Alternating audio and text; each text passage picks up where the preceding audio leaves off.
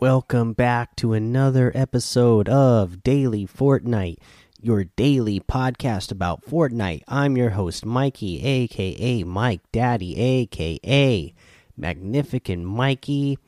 Today, not a whole lot of news going on, but we do got something interesting. So, there was a little video that was playing on the screen at the Risky Reels location. Uh, again, it wasn't anything super interesting. It was just more looked like a test screen that you would have in a test broadcast or if a broadcast went offline, uh, that sort of thing. So very interesting uh, that that happened in the game today. So who knows what that was all about? Maybe it's a clue for something that is uh, coming in the future, or I don't know. Maybe you know they they were just testing it out to make sure it's going to work for something that they plan on doing in the future. Uh, so there was that, uh, and then here, not really game that happened in the news, but something that's just been an ongoing problem in Fortnite this season for players like me who play on console.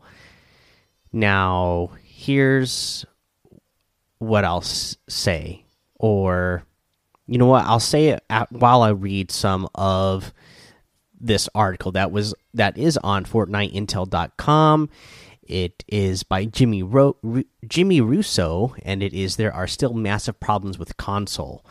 Uh, now here here's i'm just going to pull a couple of quotes. I'm not going to read the whole article but this is what he has to say. Quote there is a long list of issues with fortnite on xbox and playstation. Buildings don't load Guns don't load. You can't see what's in your inventory. Your game freezes. Players disappear. The list goes on. End quote. And yes, I I'm having all these problems on console this season. Uh, in as in addition to as he said, the list goes on here, where uh, I'm like he said, players disappear, but then.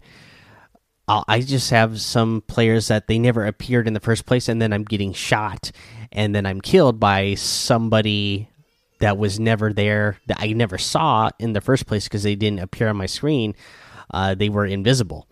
Uh, I've had uh, I I keep losing my audio. That has been something that's been going on a lot for me this season. Also, uh, you know, I I will all of a sudden hear a weird buzzing sound in my game, and I've I've asked other people in the Discord if anybody else is having this problem. I don't it doesn't seem like anybody else in our communities are having this problem, but I know it's Fortnite because I've been playing other video games and this sound only occurs when I'm playing Fortnite. It's like this weird sound. Uh, like it would almost be like there was something broken in your, you know, in your audio wire for headphones or something. And then I, you know, again, I tested this out. It's not my headphones because I've tried it out on other games and I've disconnected my headphones and turned the volume on my TV to see if it comes through the TV, and it's the same sound that comes through the TV as well. So it's something going on in Fortnite. So, uh, you know, and then here's something that you know I went and checked myself. This going back to quote the article here says the worst part is that there seems to be no mention of these problems on the Fortnite Community Issues Trello board. This isn't the first time that console players have had rendering trouble, but Epic is seemingly lost on how to fix it. End quote. And yes, uh, I mean, he's correct here. This Jimmy Russo guy is correct. Uh, you know, I went and checked the issues board, and yeah, it, it doesn't seem like they have the general issues up on the board over there but they don't have anything console specific that are you know that says like hey we know that these issues are happening specifically to console and this is what we're doing to fix it uh, so that's kind of a problem for me because PC players, because they could have really high end machines and they could upgrade, you know, their parts. Uh, you know, they're they're not having these problems that console players are having especially you know and you guys know that I've never been somebody who thinks that the lobbies should be separated but if you really are not going to address these issues I, almost I'm almost starting to feel like competitive you should separate the lobbies between console players and PC players just because th then it's really not fair. I mean to me it's already you know really big advantages that mouse and keyboard players have on console. I mean, not on console, on PC. Now, uh, you know, if you're having to deal with all these other issues on console, on top of that, uh, even if you even if you were playing with mouse and keyboard on console, you still have to deal with all these other issues. So, uh, you know, if they're not addressing them at this point, I would be in favor of separating the lobbies just because it doesn't seem uh, like you know you're, you're going to be on a level playing field which is you know even if everything was perfect you know i, I still think mouse and keyboard players just have the mechanical uh, advantage in the first place.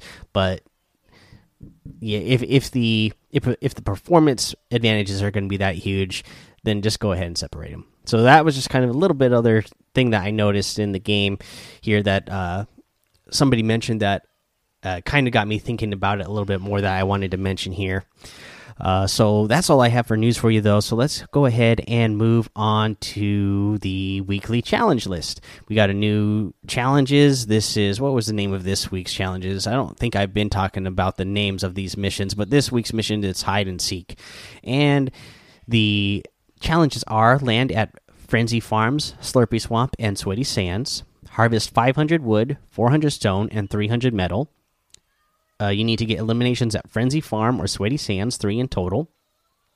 Search chests at Pleasant Park or Lazy Lake, seven. Consume foraged items, 10 total. Deal damage to opponents with pickaxes, that's 100. You need to hit 10 headshots. You need to visit landmarks in a single match, five of them. You need to get eliminations in different matches in five different matches. Hit five consecutive weak points while harvesting materials. Uh, you just have to do that one time and search for the hidden eye found in the hide and seek loading screen. So we'll kind of go over some tips on how to get these challenges done throughout the rest of the week. Uh, for now, let's go ahead, take our break. We'll come back. We'll go over that item shop and our tip of the day. All right, let's go over today's item shop. You got the Hot House outfit. You got the Rusty Roller Harvesting Tool you get the gut bomb outfit, the grill count harvesting tool. You have the plastic patroller outfit back in the item shop. The toy trooper outfit back in the item shop as well.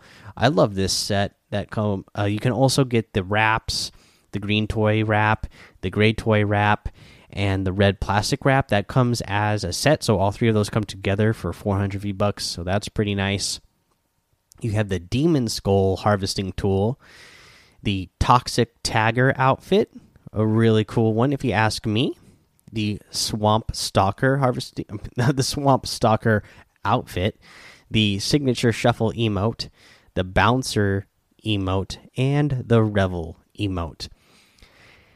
You have in the store section, of course, that Darkfire bundle, starter pack, and you can get all of these items using code Mike Daddy M M M I K E D A D D Y in the item shop, and it's going to help support the show. Now, for your tip of the day, again, uh, you know, I'm, I'm somebody who likes to play for placements, and I'll do anything I can to get those placement points when I'm playing in arena. Uh, I just played my first arena match today it didn't go very well. Uh, again, had some of those issues here uh, that they talked about in the console deal, and they talked about it in that article as well. That you know, if you're playing on console and dealing with these issues, it makes it almost impossible. Uh, but yeah, I I was killed before I could even land uh, because I didn't see somebody landed in front of me. I went back and watched a replay. Uh, they they landed before me. I didn't even see him there and that's how they shot me out of the sky because I didn't realize I was flying towards someone. Uh, but again, uh, placement points. That's the most important thing. Uh, that's what's going to help you, you know, get up in those divisions faster. Uh, and you know, I'm going to try to play a, a, couple more arena matches. Uh, I had a hard time playing this morning because I also had ridiculous wait times. I think that was a big mistake for me this season was waiting so long to play arena matches. Is that uh, I played one match died, so I still had zero points. Uh, and the next match, I waited 10 minutes and it did not get into a match, so I decided to not play any more Arena this morning because I was trying to play some matches before I got to work, but I didn't want to waste all my time uh, that I had to play uh, just waiting to get into a match. But here's some things that you can do to get gain more points if you're going to be somebody starting out this late in the season and low level like me. You can land around the edge of the map, get yourself a boat, and you can rotate around the entire edge of the map and not hardly ever run into any enemies by just by staying in a boat and rotating around the edge of the map. And there's plenty of chests and things to loot around the edge of the map that you can use uh, that you can hop out of your boat real quick and loot some stuff just to get better items throughout the map and then you never know. You might end up in a situation where the circle is around the edge of the map somewhere and you can just sit out there in the water in your boat. Most people aren't there out there looking for you so it's pretty easy to gain placement points that way. All right guys that's your tip of the day. That's the episode. Head over to the daily fortnite discord uh, follow me over on Twitch and YouTube, Mike Daddy on both of those. Head over to Apple Podcasts, leave a five star rating and a written review for a shout out on the show. Subscribe so you don't miss an episode. And until next time, have fun, be safe, and don't get lost in the storm.